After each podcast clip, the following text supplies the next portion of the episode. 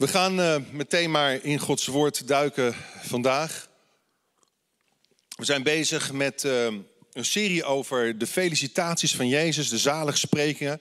Gelukkig leven, hoezo, is de vraag. Vandaag gaan we het hebben over gelukkig als je zachtmoedig bent, vraagteken. Het woordje zachtmoedigheid um, roept bij mij iets uh, aparts op, want ik heb er best wel moeite mee om, om, dat, om daar goed mee om te gaan. Om dat goed um, te kunnen bevatten wat het dan precies is. Uh, het lijkt wel een soort van paradox, een schijnbare tegenstelling in, in het woord zelf. Zacht en moedig, of moedig en zacht. Hoe kan het nou samengaan, weet je wel? Maar goed, we hebben de afgelopen paar weken al gezien dat onze innerlijke houding bepalend is voor de staat van ons geluk. En niet zozeer uiterlijke omstandigheden. En het leven is soms net als een zandloper. Af en toe moet je het op zijn kop zetten. En dat is precies wat Jezus doet met de zaligsprekingen uh, die hij uitspreekt tijdens de bergreden. De eerste woorden van de bergreden. En we zoeken met elkaar de komende maanden de acht grondhoudingen die nodig zijn om een gelukkig leven te leiden. En vandaag gaan we dan ook kijken naar, zoals ik al zei, het meest verkeerd begrepen uh, woordje of, of, of spreuk uh, uit de zaligsprekingen. Uh, meest verkeerd begrepen felicitatie. Gelukkig zijn de zachtmoedigen. Sommige uitleggers verdelen de felicitaties van Jezus in, in drie groepen van drie. En de derde felicitatie of zaligspreking is dan de samenstelling van de eerste twee. Dat zou als volgt betekenen, luister goed, door arm van geest te worden en vanuit de hemel geregeerd, ga je treuren om, om jezelf, je eigen noden, je zwakheden, tekortkomingen en die van de wereld om je heen. En het gevolg is dat je zachtmoedig wordt. Dat is een, een, een uitleg, een opvatting. Jezus zei, laten we even goed kijken naar de zaligspreking. Gelukkig, lees mee. Gelukkig die zachtmoedig zijn, want zij zullen het land erven. Nou, we hebben gezongen over dat beloofde land in bezit nemen. Jezus zegt dat de zachtmoedigen de aarde zullen beërven. Heel concreet. En dat is best wel bijzonder. De zachtmoedigen worden nu gefeliciteerd. We leren over het algemeen in de maatschappij waarin we opgroeien het tegenovergestelde. Veel mensen hebben geleerd om met misschien wel de ellebogen te werken, om de ander opzij te drukken, om zo mondig en brutaal mogelijk te zijn als iets bereikt moet worden. En als je iemand zachtmoedig noemt, dan kan het bijna overkomen als een soort van belediging. We denken namelijk dan heel snel aan een, aan een watje, aan, aan, een, aan een zacht eitje. Maar zachtmoedig is, is eigenlijk het tegenovergestelde daarvan. Zachtmoedig is iemand, denken we soms, zonder overtuiging. Of iemand die over zich heen laat lopen. Iemand die niet voor zijn mening durft uit te komen. Dus laten we even ten eerste gaan kijken met elkaar. Allereerst, wat is zachtmoedigheid precies? Nou, dan moet je eerst gaan kijken wat het niet is. Wat is het niet? Het is geen zwakheid. Zachtmoedigheid staat niet gelijk aan zwakheid. In de Bijbel worden specifiek Mozes, heel concreet Mozes, heel specifiek, en Jezus als zachtmoedig beschreven. Mozes, dus die eh, eh, het volk Israël uit Egypte leidde, en Jezus Christus, die voor ons aan het kruis is gestorven. En dat waren bepaald geen zachte eitjes. Dat waren geen doetjes. Dat waren geen deurmatten waar je zomaar even overheen kon lopen. Je kon niet om ze heen. Het waren mensen, en Jezus natuurlijk ook tegelijkertijd God, maar met een ongelooflijk sterke identiteit en persoonlijkheid. Mozes was in dat opzicht beslist niet zachtaardig of zo. Een goede lobbes, waar je zomaar even overheen kon lopen. Nee, hij leidde zo'n miljoen mensen uit de slavernij. 40 jaar door de woestijn naar het beloofde land. En voor zijn persoonlijke ontmoeting met God en roeping had hij zelfs een Egyptenaar doodgeslagen. Dat is bepaald niet zachtmoedig. Toch wordt hij zachtmoedig genoemd. Lees mee. In nummer 12 vers 3. Mozes nu was een zeer zachtmoedig man. Meer dan enig mens op de aardbodem. Dat is bijzonder. En dan ga je natuurlijk nadenken, waar, waar blijkt dat dan uit, uit zijn leven? Nou, om met zo'n miljoen mensen uh, de woestijn door te trekken en, en, en geduldig te zijn, terwijl er voortdurend gemopper en geklaagd werd, dan moet je wel heel zachtmoedig zijn. Een voorbeeld bijvoorbeeld zien we in de reactie waarop hij reageert wanneer hij door zijn eigen zuster vernederd wordt, zelfs beledigd. Ze maakte beledigende opmerkingen over zijn Ethiopische vrouw en zij ondermijnde zijn leiderschap. En het kwam erop neer dat ze zijn vrouw, de vrouw van Mozes, discrimineerde omdat ze uit het buitenland kwam, omdat ze niet een Jodin van oorsprong was. En, en, dat moet voor Mozes zeer kwetsend zijn geweest. Toch zette hij het haar niet betaald. Hij, hij hield zich stil en liet het oordeel aan God over. En we lezen dat Mirjam getroffen wordt door huidvraat, een soort melaatsheid, en haar huid werd zo wit als sneeuw. En wat doet Mozes dan? Hij gaat niet naar haar toe van, hé, hey, je had maar van me af moeten blijven. Hij gaat God aanroepen. Hij zei, ik smeek u Heer, genees haar. Hij, hij springt voor haar op de bres. Ook op het moment als, als, als het hele volk in afgoderij vervalt en, en God af wil rekenen met het volk Israël, springt Mozes tussenbij. Hij springt op de bres, hij gaat voorbeden doen. Heer, spaar het volk, neem mijn leven maar. Dat is zachtmoedig. Dat is zachtmoedig. Dus wat is het wel? Laten we daar naar kijken. Allereerst, het is kracht, lees u mee, onder controle. Het Griekse woord roept ook het beeld van een getemd veulen op. Een getemd veulen of getemd paard. Als voorbeeld van beheerste kracht, gecontroleerde kracht. Een getemd paard is bruikbaar. Een wild paard kan gevaarlijk zijn. En sommige mensen zijn, zijn, net als de knoop op een te strak bloesje. Ze barsten los op het verkeerde moment. Vaak omdat ze hun emoties niet onder controle hebben. En laten we eerlijk zijn, we komen allemaal in situaties terecht waarin je sommige mensen wel iets aan kunt doen. Of niet? Of ben ik de enige? Oh, gelukkig. Sommige mensen hebben de gave om het bloed onder je nagels vandaan te houden. Ken je ze? Misschien op het werk, misschien op school. Oh, niet te hard. Hè? Niet te... ja, zegt hij. Ik zal, ik je zeggen, op de terugreis van vakantie wilden we nog even op een, op, op een mooie camping uh, in, in de Bourgogne uh, gaan kamperen, overnachten. Uh, omdat, ja, de Bourgogne, dat vind ik prachtig. Niet alleen omdat ik Bourgondisch ben, maar ik vind prachtig mooie natuur. Je hebt daar goede wijn, je hebt prachtig mooie wijngaarden. En uh, ik, ik had een camping gezien waar ehm, gepromoot werd uh, vanwege de prachtige plekken die ze hadden. Met uitzicht op de heuvels en de wijngaarden. Nou, ik denk, nou, voordat we teruggaan in Nederland wil ik daar nog even gaan, gaan staan. Dus ik bel op en uh, ja, hebt u een plek? Ja, we hebben een plek. Hebt u ook een, uh, een grote plek? Want we, hebben best wel een grote caravan. En ja, een grote plek, dat verzeker ik u. En het was een beetje in het Frans. En toevallig kan ik een klein beetje Frans, dus ik kwam er wel uit. En ik dacht, nou, mooi. We, rijden naar naartoe. En daar aangekomen uh, word ik doorverwezen naar, naar standplaats 35. Maar wat gebeurde er? We kwamen op een doodlopend stukje terecht. Een doodlopend stukje.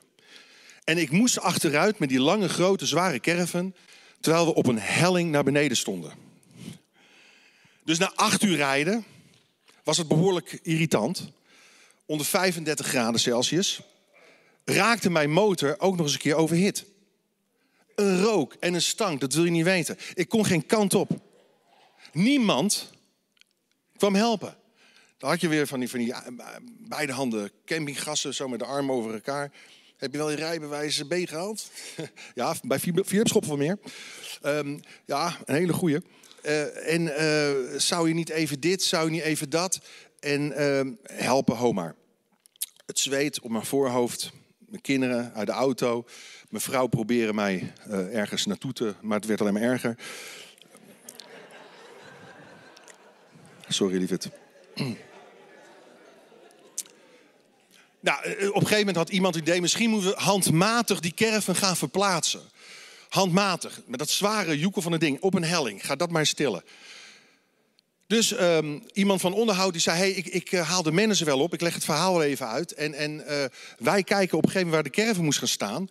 Op een plekje, naast een parkeerplek, waar, waar de helft van mijn caravan nog niet eens op kon staan. Dus ik begon te koken van binnen. Hoe kunnen ze me zo'n plekje aanbieden? Maar de manager zal het wel oplossen. Dus wij wachten. Op een gegeven moment getoeter en ik weet niet wat. Mensen die wilden, die wilden de, de langs, die wilden de camping uit, de camping verlaten of weet ik wat. Dat kon niet, want ik blokkeerde natuurlijk eh, de hele weg. En uh, nou, na twintig minuten kwam eindelijk de manager opdagen. En ik blij. Ah, mijn redder. ah, hij komt met de oplossing. Hij gaat mij een mooi ander plekje toewijzen. En hij begint me toch uit te schelden.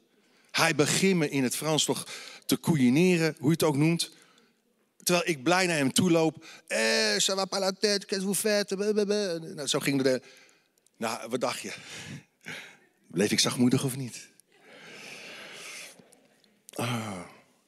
Ik ontplofte in het Frans. En tegelijkertijd besefte ik dat ik twee dingen kon doen. Mijn frustraties, want het was bloedheet. Ik was gefrustreerd. Mijn motor had ik bijna kapot gereden. Ik kon ervoor kiezen mijn frustraties te botvieren. Door die man een klap uit te delen. En heel snel weg te rijden, maar heel snel, dat gaat niet lukken met die van Die keer, ik zat gewoon muurvast. Of ik kan toch proberen kalm te blijven. Mijn kerven goed neerzetten en vervolgens heel hard wegrijden. Ja, Waar koos ik voor? Ik koos voor zachtmoedigheid. Ik ben weggereden. Ik zeg, hier kom ik nooit meer terug. Wat blijkt? De volgende dag kwamen we in Nederland aan, bij Maastricht in de buurt. Ik ga nooit meer naar zo'n... Hoe heette die camping ook weer? Dat is zo'n camping. Oh, mag ik dat wel zeggen? Het is anti-reclame. Je mag geen reclame geven, hè? maar je mag wel anti-reclame, toch? Utopia. Nou, dat was inderdaad een utopie. Ik ga nooit meer op zo'n camping staan. En uh, oh, Angelique, ik heb een leuke camping in, bij, bij Maastricht in. Wij naar die camping toe rijden. Wij komen daar uh, uh, binnenrijden. Ik, ik, ga, ik, ga, ik wil betalen. We hadden gebeld, we hadden gereserveerd. Nou, welkom meneer bij Utopia. Ja, nou goed. Gezellig. Gelukkig beviel dat wel. Maar hey, lieve mensen. We gaan met elkaar een aantal praktische tips onder de loep nemen die ons kunnen helpen om in ons dagelijks leven zachtmoedigheid te ontwikkelen. Want ik hou van gewoon het woord van God praktisch maken, concreet maken. Want anders als het alleen maar theorie is, dan, dan gaat het uh, aan ons voorbij. Allereerst, hoe kan ik zachtmoedigheid ontwikkelen? Ja, volgens mij moet je verder klikken. Hoe kan ik zachtmoedigheid ontwikkelen? Klik. Ah. Goed. Als iemand, lees mee, een andere mening heeft dan jou, wees dan vriendelijk en niet veroordelend. Wees dan vriendelijk en niet veroordelend. Ben je respectvol naar mensen toe die nog niet voldoen aan jouw maatstaven? Blijf je vriendelijk als iemand nog niet alles begrijpt of weet zoals jij. Weet je, sommige mensen hebben tijd nodig om te groeien in bepaalde geloofszaken in bepaalde overtuigingen die heel goed zijn en nobel zijn en waardig zijn. Maar we kunnen dat niet afdwingen bij mensen. Daarom zegt Paulus in Romeinen 14, vers 1: aanvaard mensen met een zwak geloof zonder hun overtuiging te bestrijden. Nou, wil niet zeggen dat je je eigen overtuiging aan de kant moet zetten. Maar het gaat erom dat we ons niet opwerpen als een soort van onderzoeksrechter. Het bestrijden hier betekent namelijk letterlijk het analyseren van wat mensen beweegt. Lees je mee, bestrijden. Het Griekse woord, diakrisis, kun je als volgt uitleggen. Dat is het analyseren en het beoordelen van de innerlijke motivatie of persoonlijke mening van de ander. Paulus zegt, doe dat niet. Werp je niet op als rechter. Het gaat er namelijk om dat we de bijzaken van de hoofdzaken onderscheiden. En in de bijzaken, niet in de hoofdzaken, de fundamentele hoofdzaken van ons, ons geloof, onze theologie, maar in de bijzaken heeft ieder zijn eigen geweten en verantwoordelijkheid. En het bestrijden van een overtuiging heeft hier te maken met het betwisten, het betwijfelen van iemand zijn innerlijke motieven. En de vraag is, wie ben jij, wie ben ik om te bepalen wat iemand anders ergens toe beweegt? Ik weet niet of je dat wel eens gehoord hebt, of dat soort uitspraken onder mensen. Ach, dat baantje.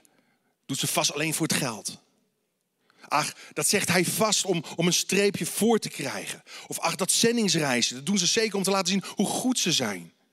En we, en we, beoordelen de motieven van anderen zonder de context voor ogen te hebben. Zonder het totale plaatje voor ogen te hebben. Dus stop om rechten te spelen en wees vriendelijk in plaats van veroordelend.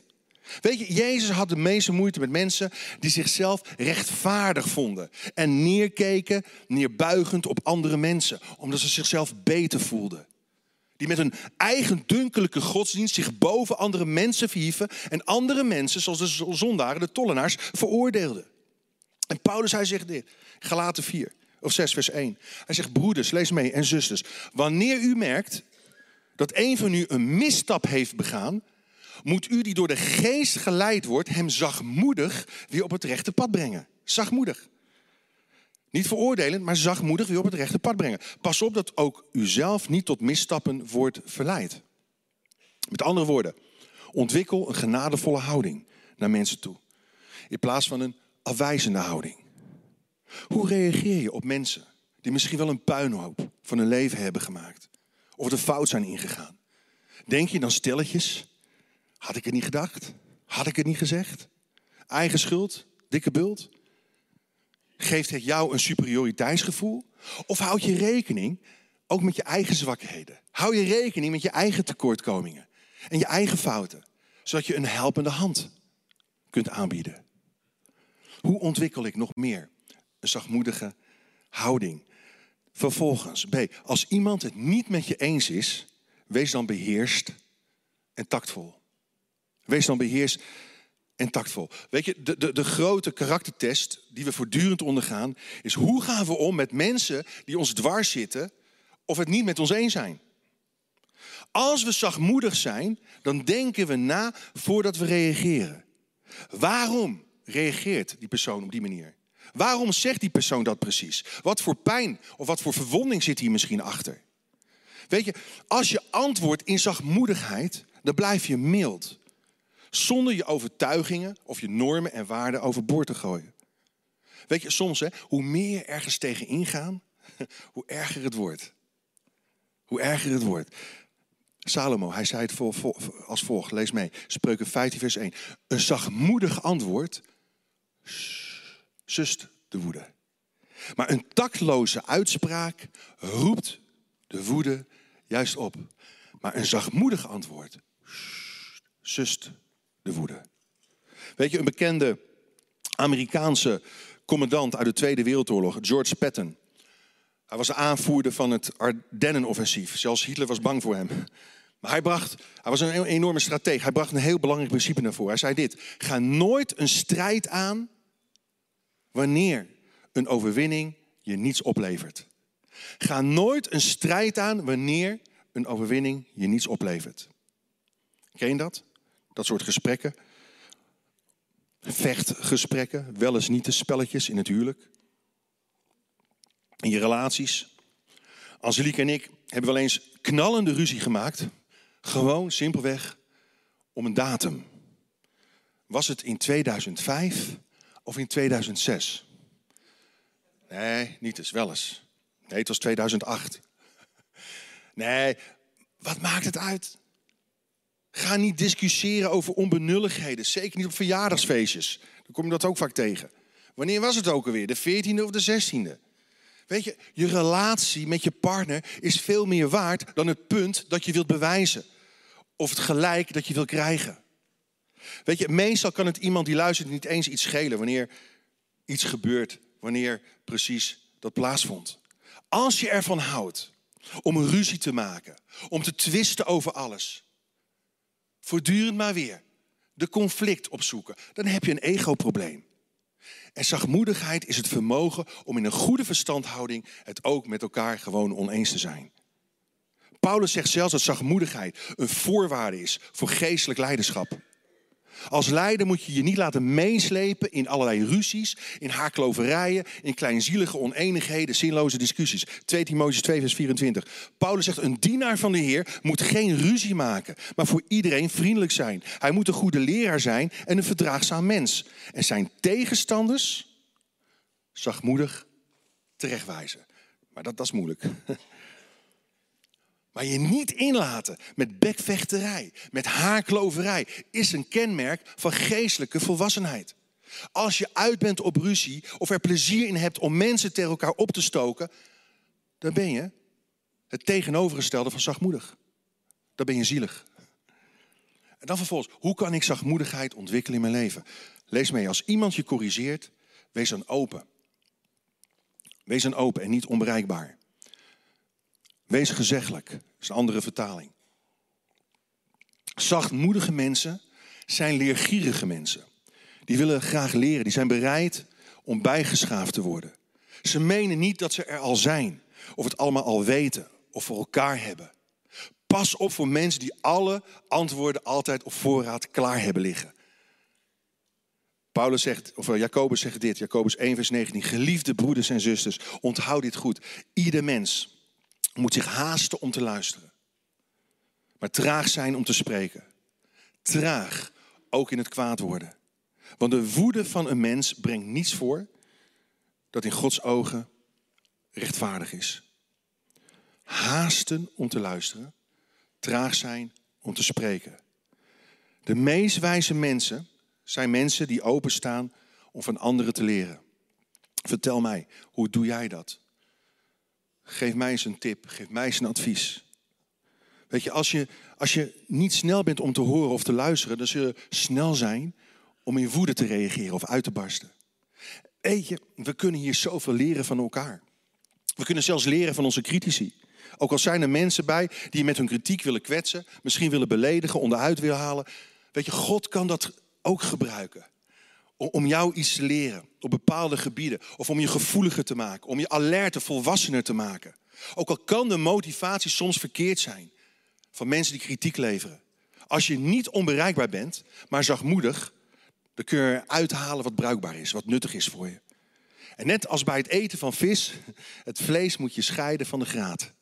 En de graat weggooien. Maar het vlees doorslikken. Jacobus zegt vervolgens het volgende. Wees daarom zachtmoedig en leg elke, alle verdorvenheid en elk denkbaar wangedrag af. Leg dat af. Dus om te kunnen luisteren, om open te kunnen staan, ook voor anderen, moet je verdorvenheid afleggen. Letterlijk gebruikt Jacobus het woordje oorsmeer in het Grieks. Je moet oorsmeer uit je oren weghalen. Dus met andere woorden, leg die blokkades af. Wat zijn de blokkades in jouw leven? Waar zitten de verstoppingen in jouw hart, zodat je niet kunt ontvangen? Wanneer heb je een fout toegegeven? Of gewoon gezegd, hé, hey, sorry, ik zat ernaast.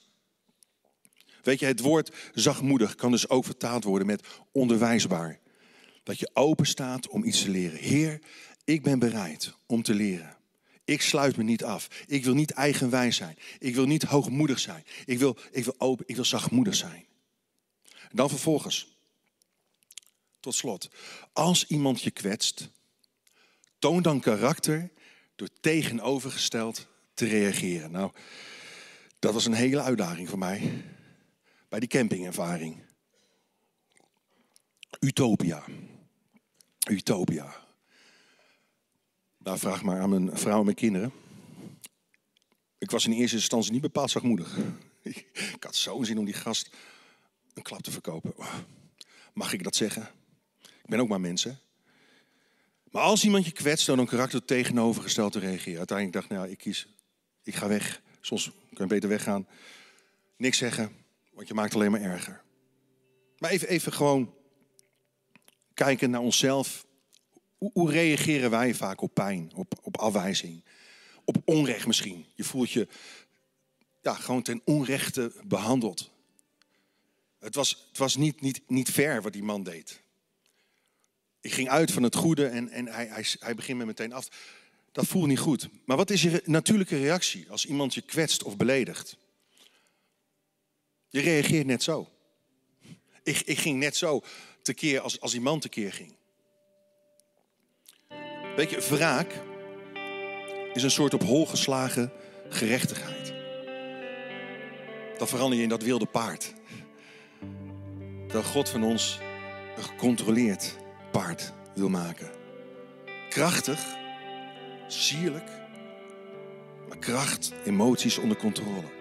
We, we reageren vaak om kiet te spelen of om ons recht te halen, ons gelijk. En ga zo maar door. Paulus zei in Romeinen 12, vers 17, lees mee. Het is een soort van samenvatting van die hele pericoop. Vergeld geen kwaad met kwaad. Maar probeer voor alle mensen het goede te doen. Stel voor zover het in uw macht ligt, alles in het werk om met alle mensen in vrede te leven. Voor zover het in uw macht ligt. Het ligt niet altijd in je macht. Hè? Als de ander geen vrede wil, ja, dan houd het op. Maar, maar, maar stel alles in het werk. Want de Heer zegt, het is aan, aan mij om wraak te nemen. Ik zal vergelden. En als uw vijand honger heeft, geef hem dan te eten. Dan stapelt u gloeiende kolen op zijn hoofd. Weet je, wraak nemen is een reactie. Vergeven is een actie. Als iemand jou kwetst, kies dan voor actie en niet reactie. Kies voor actie. Daar bedoel ik mee. Sla niet om je heen, maar neem het initiatief tot een handeling van goedheid. Je reageert in een tegenovergestelde geest. Je emoties zijn dan niet de baas over jou, maar jij bent de baas over je emoties. Luister goed. Vergelding leidt altijd tot verlies. Vergeving tot overwinning. Amen. En de Bijbel leert zelfs dat we door onverwachte liefde te bewijzen het onze vijand geestelijk gezien benauwd maken. Vuurgekolen op zijn hoofd leggen. Vlammen van schaamte zal hij doen uitslaan. Maar als je je laat meeslepen in dezelfde woede, in dezelfde haat of laster van de ander, dan geef je de ander macht over jouw gevoelens, macht over je leven, macht die jouw reacties gaan beïnvloeden en bepalen. Dus met andere woorden, wat Paulus hier zegt, is dit. Keer een belediging of ergernis tegen je om in liefdadigheid, in daden van goedheid. Wie, wie kent trouwens het, Franse boek Les Miserables? Miserables, er is een film van gemaakt, er zijn um, allerlei toneelstukken van gemaakt. Les Miserables. Het is een, een boek dat meerdere malen verfilmd is en die miljoenen mensen heeft geraakt. De hoofdrolspeler, Jean Valjean, wordt onterecht jarenlang tot slavenarbeid veroordeeld. Waarom? Hij had een, een brood gestolen om zijn gezin mee te kunnen ondersteunen, te kunnen onderhouden. En wanneer hij na jaren wordt vrijgelaten, steelt hij zilver van een priester die hem een maaltijd en onderdak geeft. En die priester had hem kunnen aangeven, dan was hij opnieuw, opnieuw weggevoerd. Maar als een priester hem betrapt, die man van God, dan weigert deze hem aan te geven. En doet zelfs nog meer zilver in zijn rugzak. En, en Jean Valjean, hij, hij weet niet wat hij hiermee aan moet. Hij is verbijsterd, hij is verbaasd door deze daad van goedheid. Verandert zijn leven voor goed en wordt hij een milde, zachtmoedige man. Een vrijgevige man. Weet je, het beste tegengif voor onrecht tegen ons is een tegenprestatie van gulheid en goedheid tonen. Want dan kies je ervoor om meer ruimte in je hart aan liefde te verhuren in plaats van aan boosheid en haat en bitterheid of een andere giftige emotie in je hart. Max Lucado, hij zei het volgende. Vergeven is het openen van een cel om iemand te bevrijden en beseffen dat jij de gevangene was. Je hebt jezelf ermee door bitterheid, door, door, door wrok te koesteren. En ik sta soms verbaasd dat mensen soms teruggrijpen op jaren geleden. Ja, maar toen. Ja, maar toen. En, en grieven, ook christenen, grieven naar elkaar toe vasthouden. Hé, hey, dat zou niet zo moeten zijn. In het huis van de Vader, in het huis van God. Vergeven kan Gelijk Christus u vergeven heeft. En weet je, weiger je gezondheid weg te geven, emotioneel of geestelijk. Nelson Mandela. Hij werd een keer gevraagd hoe hij jaren van gevangenschap had overleefd zonder verbitterd te raken. Weet je wat hij zei? Hij zei: bitterheid doet alleen jezelf pijn. Als jij haat, zul je de ander of anderen je hart en verstand geven. Geef deze twee dingen, je hart en je verstand, niet weg. Als je zegt, die persoon maakt mij razend, die persoon maakt mij woest, dan geef je toe dat die persoon macht over jou heeft. Verbreek die macht door te vergeven. Dat is een keuze. Gevoelsmatig een heel lang proces. Maar macht en controle over je emoties, dat is zachtmoedig zijn. Op het moment dat je gelijk wilt staan, dat je naar vergelding zoekt, geef je de controle van je leven op. Maar zelf kiezen hoe je reageert is kracht onder controle. Weet je, de wereld zegt een, een brutaal mens heeft de halve wereld. Maar Jezus zegt nee, gelukkig zijn de zachtmoedigen, want zij zullen de hele aarde gaan beërven. Het land beërven. Dat is de hoop van een wereld waarin de eerste de laatste zullen zijn, de laatste de eerste. Niet de sterkste, niet de brutaalste, niet de arrogantste, niet de slimste trekt uiteindelijk aan het langste eind, maar de zachtmoedigen. Mensen die de kringloop van het kwade met liefde zoeken te doorbreken. Voor hen is de aarde, is dat beloofde land. Zullen we onze hoofden buigen, onze ogen sluiten. Gelukkig ben je als je je emoties kunt beheersen. En dat kunnen we niet uit onszelf, dat kunnen we door de kracht van de Heilige Geest alleen. Door Jezus Christus centraal te blijven stellen. Door met Hem verbonden te blijven. Door in Hem te blijven, in Zijn woord, in Zijn woorden. En de vraag is deze: wat beheerst jou? Wie beheerst jouw emoties, jouw gedachten, jouw hart? Vergeven. In het woordje zit ook het woordje loslaten. Laat die persoon los. Laat die situatie los. Geef het aan God over. Aan Hem komt de vraag toe. De vraag is deze: beheersen de omstandigheden je emoties? Of beheerst jouw karakter van zachtmoedigheid je emoties? Dat bepaalt jouw toestand van geluk zijn. Je gelukkig voelen. Zachtmoedige mensen beheersen hun reacties. En patronen van sarcasme, van cynisme, van wrok en woede kunnen gebroken en verbroken worden door de kracht van Gods liefde. Open je hart voor die liefde van Jezus. Aan het kruis bewezen, eens en voor altijd. Hij zei, het is volbracht. Hij zei, ik vergeef je. Ik geef mijn, mijn leven als losprijs voor velen. Ik betaal de schuld af door mijn eigen bloed te laten vloeien. Ik, de zoon van de levende God. Neem hem aan op dit moment. Ook als je thuis bent, als je kijkt, als je hier bent. Je hebt hem nog niet aangenomen als jouw redder, als jouw verlosser. Hij is hier. Hij houdt van je. Hij wil je bekleden met zijn kracht, met zijn gezindheid in Jezus' naam. Maar neem hem aan. Halleluja. Heer, dank u wel als er mensen zijn die hun hart geopend hebben voor u. Dat u binnen kan komen, Heer. Dat het feest is in hun hart. Dat ze het ware geluk mogen proeven, mogen ervaren. Omdat u goed bent. Heer, wilt u ze vernieuwen in Jezus' naam? Wilt u ze vergeven? En ook als wij, misschien mensen die langer op weg zijn. Heer, Heer vergeef ons, Heer. Als we ons hebben laten gaan. Heer, u, geeft weer nieuwe kansen, weer nieuwe mogelijkheden. Heer, we willen leren van u. En willen groeien naar uw beeld in Jezus' naam. Amen.